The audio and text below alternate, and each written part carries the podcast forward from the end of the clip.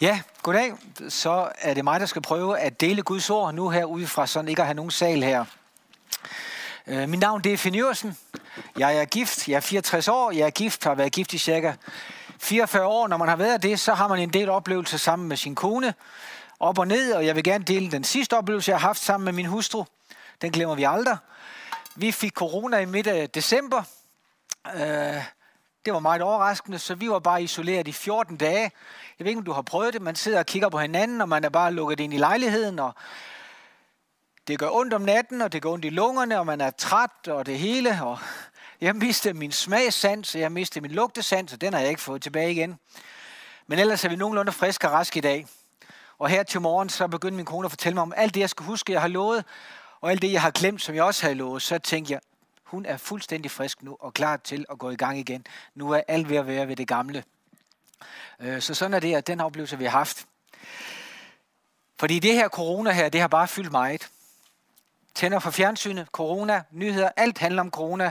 Nogle gange så er man ligesom ved at få for meget af det. Og nogle gange kunne jeg godt tænke mig måske at lige flytte tingene lidt op i helikopterperspektiv og sige, i stedet for at vi lige fokuserer på alt det, vi ser omkring os, af bøvl og alt sådan noget videre, så tænk, hvad er det egentlig, der foregår? Og øh, jeg vil gerne give dig et bud på den her specielle tid, vi lever i nu. Jeg har tænkt på det og, og tænkt, hvad skal jeg ligesom dele i dag? Og så er der kommet nogle tanker til mig. Det, jeg lige vil fortælle dig her i starten, det er bare sådan lige en ramme omkring det. Og så vil jeg lidt senere komme ind på det, som jeg tror, Gud har lagt på mit hjerte. og øh, nu skal du få et bud. Det betyder, at det her det er bare mit bud. Det betyder, at det er bare min overbevisning. Du må gerne have en anden overbevisning. Og du må også gerne være 100% enig med mig. Det gør ikke så meget, men i hvert fald så er der her nogle tanker. Det er den tid, vi lever i. Og nu skulle det næste billede gerne komme. Yes. Vi mennesker, vi er nysgerrige. Og det var de også på Jesu tid. Og de begyndte at spørge på Jesu tid, Jesus, hvad kommer der egentlig til at ske i fremtiden? Og det interesserer vi os lidt for. Øh, hvad sker der egentlig i fremtiden? Og Bibelen taler meget om det. Og de blev ved med at spørge Jesus, og der siger han pludselig her et sted, at når vi hører om uro og krigshandlinger rundt omkring, blev ikke bange. Det er uundgåeligt, men det er ikke afslutningen. Folk og nationer vil bekrige hinanden, og mange steder vil blive der jordskæl og hungersnød. Men, siger han, det er ikke afslutningen. Det er kun vejernes begyndelse. Så han tager ligesom tiden, så siger han, du kan sammenligne det med vejer, at lige før en fødsel, så gennemgår man bare nogle vejer. Og den fødsel, det er selvfølgelig, at Jesus kommer tilbage igen. Så mange af ting, vi oplever, det er vejer. Hvad vil vejer egentlig sige? Nu har jeg ikke erfaret det, men jeg kan da huske lidt af det. Der er noget, der hedder plukvejer, og der er også sikkert også noget, der er noget, der hedder noget andet, men det starter stille og roligt, og så bliver det hyppigere og hyppigere, så trækker kroppen sig sammen, så får man smerter, og så lægger det hele sig bare til ro igen, og så kommer der en ny V. Og til sidst så er det næsten en stor V, og så sker der en fødsel. Og hvis jeg skulle ligesom prøve bare at se nogle, finde nogle V'er, som vi har oplevet her, så gå tilbage igen. 2000, hvad havde vi terrorisme? Det kom lige pludselig ind som noget helt nyt i den vestlige verden. Flyve ind i øh, huse og lastbiler, der kører på gågader, og folk, der blev beskudt, og man tænkte, hvad er det her for noget? 2008, så kom der en finanskrise, og pludselig så det der med økonomi, det begyndte bare ligesom, der kom et hul, og folk tænkte, hvad sker der nu? Så har vi haft miljø, havene stiger, og temperaturen sætter gang i en hel masse, og man kan ligesom se, at der er et eller andet her, der er ude af balance. Bankvæsen, politikere, myndigheder, tingene begynder at virke usikre og sådan noget. Man tænker, hvad foregår der? Hvorfor kan det ikke bare være som i gamle dage, hvor der var ro på det? Alt det der, det skaber utryghed, det skaber frygt, og det er som om, der er lidt opløsning, når det drejer sig om autoritet også, og det giver også en uro. Det tror jeg på, det er nogle af de vejer. Og øh, der kommer nok flere vejer. Øh, Bibelen taler om, at inden Jesus kommer igen, der vil synden desværre være sådan i verden, at der vil også komme en dom. Og der vil nogle gange komme en dom over synden.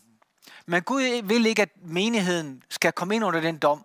Så det han gør, inden han kommer med en dom over mennesker, som er i synden, så siger han, nu går jeg lige ind, og så ryster jeg min menighed. Fordi nogle gange så kender vi ikke vores egen tilstand. Og når vi så oplever, at der kommer sådan en lille rystelse, så finder man pludselig ud af det. Jeg ved ikke, om du kender det for dit eget liv. Du bliver udsat for ting, og du tænker, hold op, hvad sker der nu? Og der sker også nogle reaktioner i dit eget liv. Og nogle gange så gør Gud det ved menigheden. Du kan bare tænke på sådan noget som corona, eller corona, vi har nu. Hvis jeg skulle spørge mig selv, hvad påvirker det egentlig menigheden i dag? så vil du opleve, at vi kan ikke samles i dag på samme måde. Vi kan ikke have fællesskab på dag i samme måde. Der er en fragmentisering ind i mange ting. Og det gør, at på en måde, så kan man godt få et meget løst forhold til menigheden, fordi man ses ikke så meget. Og man opdager måske, at, at menigheden var blevet en ligesom identitet, hvor man fik sin åndelige føde. Og når pludselig man ikke kunne mødes mere, så... Ja, hvor, hvor mine kilder så henne? Og der kan komme et uro. Og det gør, at nogle de kan trække den ene vej, og andre de kan begynde at sige, nej, jeg må tilbage til hovedkilden igen. Jeg må tilbage til Jesus. Jeg husker en gang her for nylig, der vi besøgt en fra Frelsens her, Benny Mikkelsen. Han fortalte om et liv. Han har lavet en masse koldbøtter. Det var rigtig interessant. Og så sagde han en ting, som bare skar mig. Han sagde, jeg er vokset op i Frelsens her. Og jeg lærte en masse om Frelsens her. Men jeg lærte ikke Jesus. Og det gjorde, at han kom ud i en hel masse ting. Og så endte han tilbage igen. Og nogle gange så tror jeg også, at Gud han gør det samme. Nogle gange så ryster han os for ligesom at finde ud af, hvad er dit og mit fundament? Og hvad er din og min kilde? Og det tror jeg også, at det er nogle af de rystelser, som kommer nu i dag. Og nu vil jeg måske prøve at tage en af de udfordringer, som der kan ske, når det drejer sig om en rystelse. Og den kommer her. Ser du, alt det, der sker i verden, det påvirker dig og mig. Det, det er uundgåeligt. Vi er en del af verden, og vi mærker, at det, der sker omkring os, det går også ind og påvirker os. Og Jesus taler om, at hvert menneske er ligesom en jordbund. Og der tager vi imod Guds ord, øh, og vi lader det gå ned i den jordbund. Og der er fire forskellige jordbund, og der er specielt en jordbund, som jeg bare vil lige komme ind på, for den, den handler lidt om det, som jeg vil komme ind på lidt senere, det er, at Guds ord det kommer. Mødet med Jesus, mødet med hans ord, det går ned, og så lægger det sig. Men hvor dybt går det? Og hvor, hvor meget betyder det?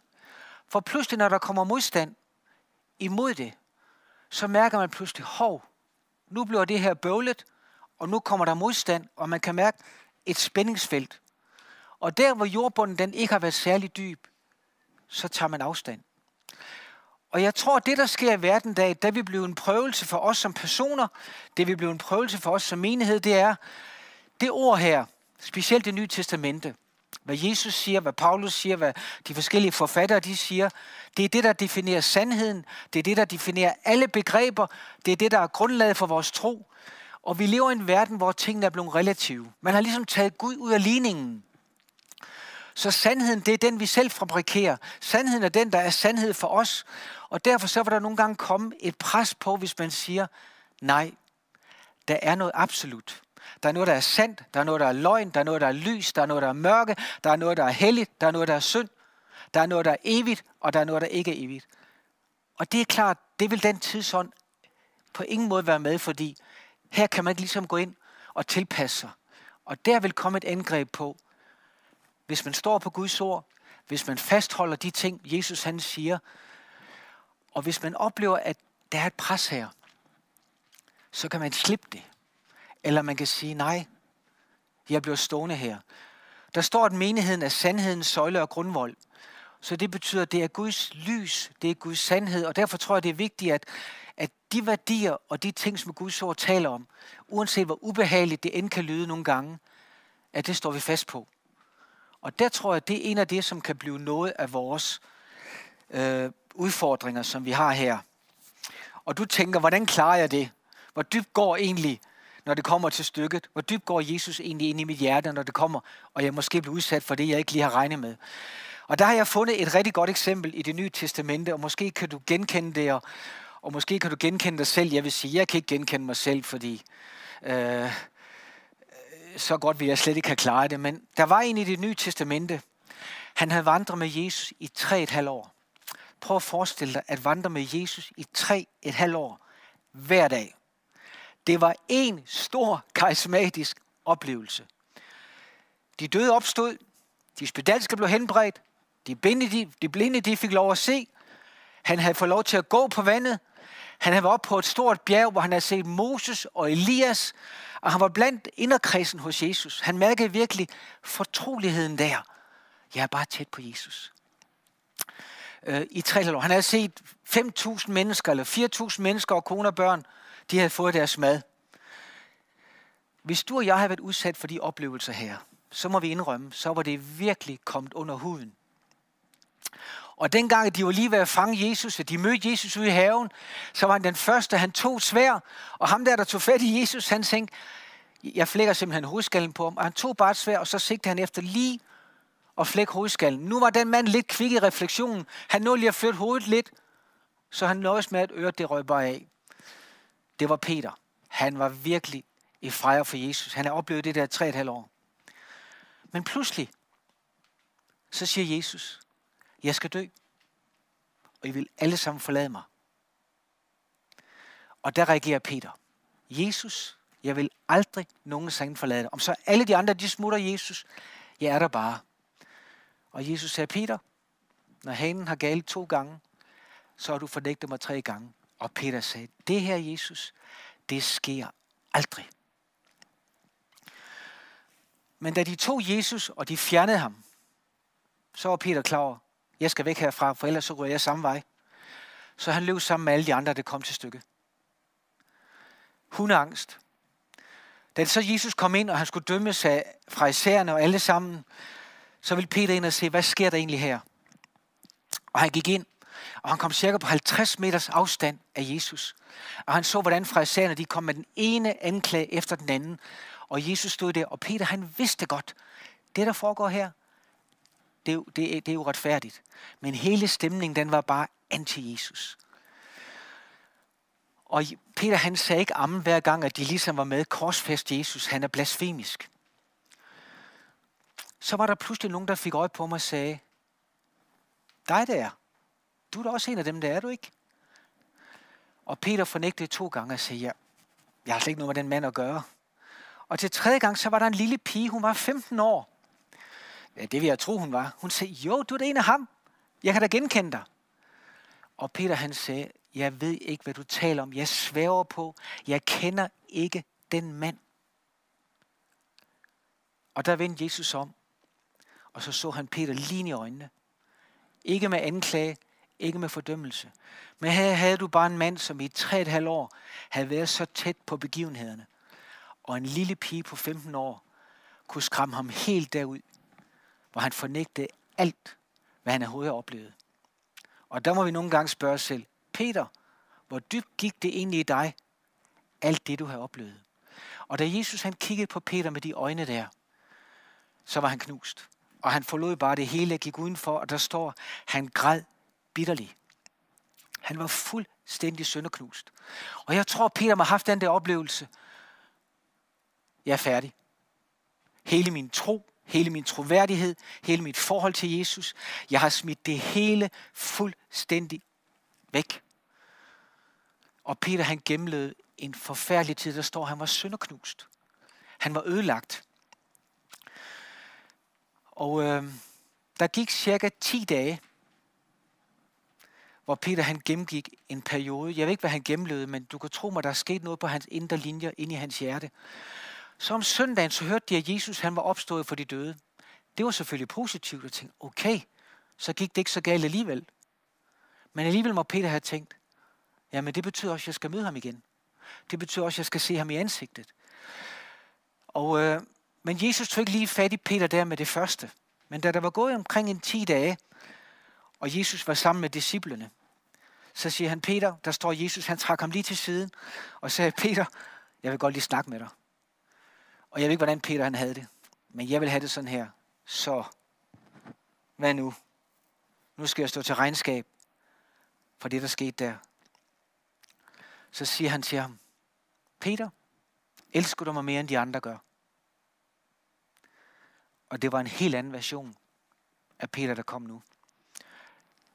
Og Jesus han sagde med vilje mere end de andre gør, fordi Peter han var lidt ambitiøs. Han ville altid gerne lige være et skridt foran de andre. Men der var sket noget med Peter. Han havde set en side af sig selv, han ikke kendte. Han sagde stille og roligt, Jesus, du ved, jeg har dig kær. Hvad var der sket med Peter? Det, der var sket med Peter, var, at det var gået op for ham. Det handler ikke om mig, det her. Det handler om Jesus, det her. Og Peter havde fået en profeti om, at menigheden skulle bygges på ham. Så han var sådan rimelig stærk i sin kaldelse. Men nu kom Jesus med en ny profeti.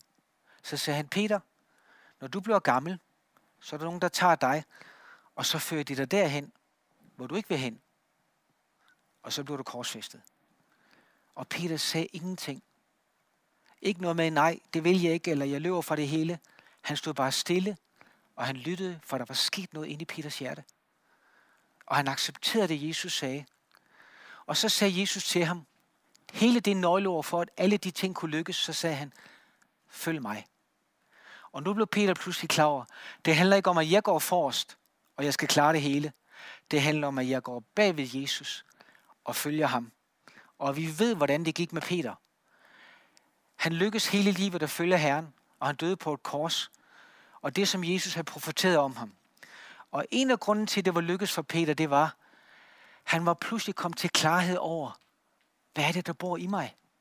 Han havde fået den der åbenbaring om, hvordan er mit hjertes tilstand. Og det skabte en forandring, og det gjorde, at det lykkedes for ham. Og nogle gange, når du og jeg, vi oplever, at Gud han tager fat i os, så er det ikke for at skade os eller noget som helst. Det er for, at vi må komme til åbenbaring om, hvad er det, der sker nogle gange? For at vi kan ændre os og forberede os på de ting, der kommer.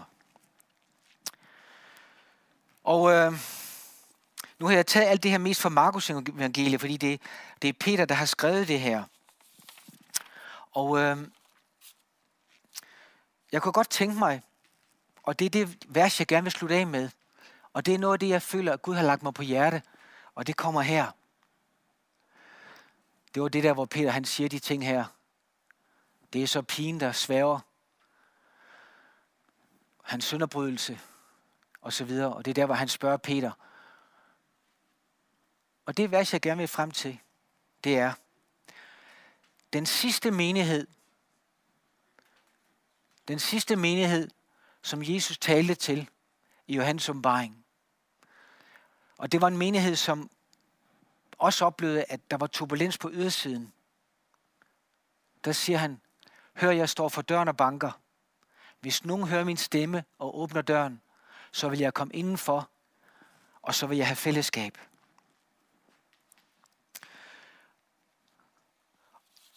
Min udfordring er, at det er et profetisk ord i dag, at vi nogle gange skal spørge os selv om, hvad siger himlen i alt det her, som ligger foran os, og vi kender det ikke, og vi ved det ikke. Jesus, hvad har du at sige? Hvad havde du at sige til sådan en menighed på det tidspunkt, og hvad vil du sige til os i dag? Og det ord, jeg tror, han vil sige til os, og det vil jeg bare gerne definere. Det første ord, det er lyt. Der er så mange ryster. Der er så meget støj. Og der skal vi lytte efter. Hvor er lyden fra himlen? Og hvad siger himlen? Og det næste er, Jesus han siger, jeg står for døren og banker. Jeg vil gerne indenfor i din bolig. Og der har han måske været, da vi blev kristne, og han er det måske stadigvæk hos mange, men han vil bare ind og sige, jeg vil ind, og jeg vil være sammen med dig. Og hvis vi kan høre hans røst i den tid, vi lever i, og kan åbne hjertets dør, både til os privat, personligt og som menighed, så går han ind. Men han går ind, hvis vi åbner døren. Han har initiativet, og vi må have responsen. Og når han så kommer indenfor, hvad vil Jesus indenfor? Vil han fordømme? Vil han formane? Vil han sige, nu skal du høre her? Nej, siger han. Når jeg kommer derind, så vil jeg have fællesskab. Fællesskab betyder, at man har noget sammen. Man lægger noget ind i det samme skab. Det er det, han spørger efter. At få fællesskab. Og det tror jeg, det er det, han spørger efter, du og jeg i dag. Fællesskab. Privat, personligt og i hans menighed. Nogle gange så kan vi blive så dygtige, og vi kan også blive så stærke, at vi gør tingene selv, og vi har glemt, hov, det er i fællesskab med ham, at vi arbejder. Og når vi siger fællesskab, så går det jo begge veje, så vi skulle ligesom spørge os selv, hvad, hvad kan jeg give Jesus? Hvad har jeg? Men han siger fællesskab, og det er begge veje. Det vi kan give Jesus, det er, at vi kan sige som Peter, Jesus, jeg har dig kær. Du er dyrbar for mig. Jeg har ikke så høje proklamationer. Det andet, vi kan give ham, det er, hvordan vi har det. Det, vi er bekymrede for. Det, vi slås med. Det, vi ikke forstår. Det, vi er frustreret over. Det, vi kan se, der kommer i horisonten, hvor vi tænker, jeg skal forbi det der. Vi kan fortælle om, hvis vi føler ensomhed, forkastelse, alle de ting, som mange i det ydre ikke ved noget om, men man ved det. Og selvom Gud han ved det hele, så tror jeg nogle gange, han vil, han vil gerne høre det. Han vil sige, del dit hjerte med mig. Og når vi giver ham det, så er vi også med til, at den forening, den bliver endnu stærkere. Og hvad vil Jesus give til os? Hvis vi kommer dagen, hvor vi virkelig kan være sammen med ham, hvad vil han egentlig give til os? Og jeg har bare prøvet at opregne nogle ting, han kan give til os. Jeg tror, den første ting, han vil give til os, det er fred. Fred. En fred, som ligger sig ned i hjertet. En fred, som overgår nogle gange tankerne, der kan være så bekymret og have så mange spørgsmål. Så siger Jesus, min fred giver jeg dig. Og freden, den giver bare ro. Tryghed. Og så får man en fornemmelse. Gud, du har jo kontrol over det hele. Du har jo kontrol over mit liv, når det kommer til stykket. Du har jo kontrol over en urolig verden, når det kommer til stykket. Og det der, og den fred, skaber det der. Det tror jeg, det er det første, han giver os i det fællesskab. Det næste, jeg tror, Jesus han vil give os, når vi kommer ind og kommer tæt på ham, det er, du er elsket. At være elsket er ikke noget, vi fortjener. At være elsket, det er noget, han har besluttet sig for, at det vil han. Initiativet kommer fra ham. Og han peger hen på Golgata og siger, der ser du et udtryk for min kærlighed. Der ser du min fulde accept. Der ser du, hvem du er. Du er elsket. Du er accepteret. Og når vi oplever den der følelse af Guds kærlighed, så giver det os en følelse af, jeg har værdi. Jeg har betydning. Og det giver en følelse af, jeg er ikke bare en af mange, jeg er udvalgt. Hans kærlighed, den skaber de der ingredienser ind i min ånd, og den giver mig den tryghed. Den tredje ting, jeg tror, Jesus han vil tale til os om, det er styrke. Vi har alle sammen forskellige personligheder, mentaliteter og forskellige baggrund. Men det har med det jordiske at gøre. Og det Jesus han vil give os, det er den himmelske styrke. Det, som går ind og styrker vores indre menneske. Der, hvor følelserne bor. Der, hvor psyken den er. Styrke. Så vores tanker, vores hjerte, vores karakter gør, at vi ikke skal ligge under. Vi skal ikke ligge under for synden. Vi skal ikke ligge under for mange ting, fordi der kommer en styrke ind i os, som gør, at vi kan klare det, som vi skal klare. Den tredje ting, den sidste ting, jeg måske vil putte ind i os, det er, at han han vil sige, jeg er din hyrde, og jeg vil lede dig. Du skal ikke lede dig selv. Jeg vil lede dig. Og det at være ledt af Jesus, det er det, der giver tryghed. Det er det, der gør, at man går bag ved ham, og han går foran. Og hvis du kigger tilbage igennem dit liv, så kan du se, hvordan i alverden er jeg kommet igennem alt det her. Det var fordi Gud han ledte en, og så kom man igennem tingene. De ting her, de sker, hvis du og jeg vi vil tage os tid til at gå ind og sige, jeg vil gå ind, og så vil jeg prioritere at få fællesskab med ham. Så tror jeg, der sker en åndelig forvandling, som er med til at præge dit liv, som er med til at præge menighedens liv. Og det er måske det ord, som Gud han vil give profetisk til os alle sammen. Afslutningen på det her, den kommer her. De, der vinder sejr, skal reagere, ligesom jeg selv har vundet sejr og sidder på tronen med min far. Når vi kommer ind, og vores forhold til Jesus bliver af den karakter, at sejr, det betyder at overkomme, at overvinde. Så det betyder, at mørket kan ikke overvinde dig. Synden kan ikke overvinde dig. De problemer, som du nogle gange kan se, Jesus han siger, hvis du sejrer, du overkommer. Det er det løfte, han giver os, når vi er i ham. Og når det hele er forbi, så bliver vi konger og præster i evighederne. Fordi ligesom han sejrede, så oplever vi, at vi kan sejre. Men vi er nødt til, at vi også er i ham.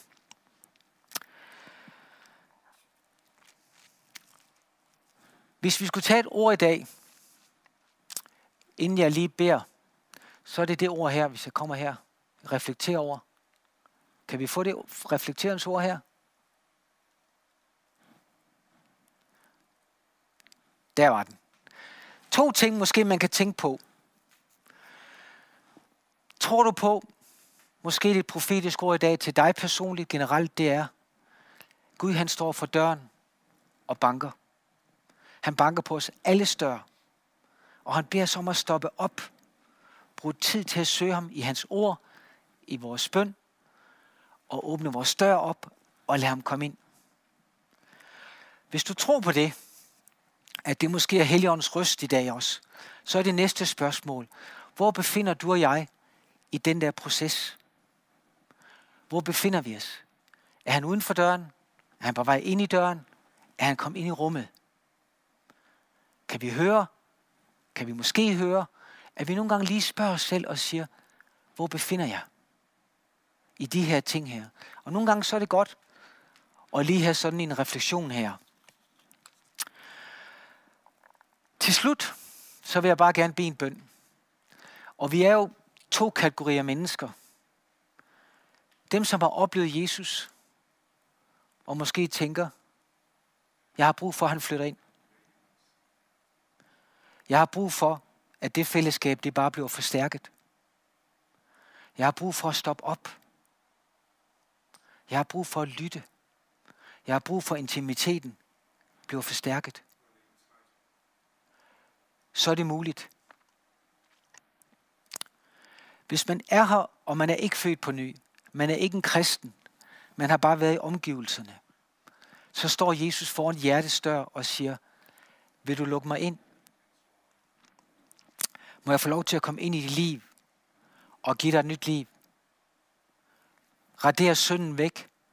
Bringe lys, hvor der er mørke. Bringe fred, hvor der er uro. Kom ind og få fællesskab.